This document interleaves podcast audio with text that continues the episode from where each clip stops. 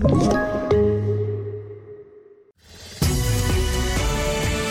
TV4-nyheterna börjar med att den amerikanska läkemedelsjätten Moderna kommer med glädjande vaccinbesked som sägs ha ett vaccin som visat sig skydda till 95% mot covid-19.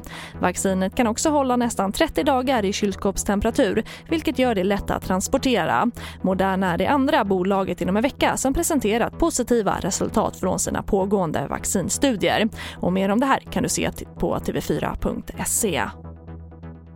Och idag inleddes rättegången mot de två män som misstänks för det brutala dubbelmordet i Vallentuna i januari i år där en 61-årig man och en 52-årig kvinna hittades döda i en villa.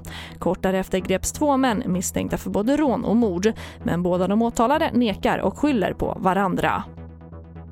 Och vi avslutar med att det stora journalistpriset i kategorin Årets berättare går till SRs dokumentärserie Gamer.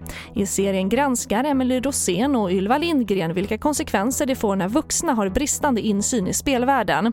Granskningen utgick från ungdomars egna berättelser om övergrepp och hot om våld på nätet. Och det var det senaste med TV4 Nyheterna. Jag heter Charlotte Hemgren.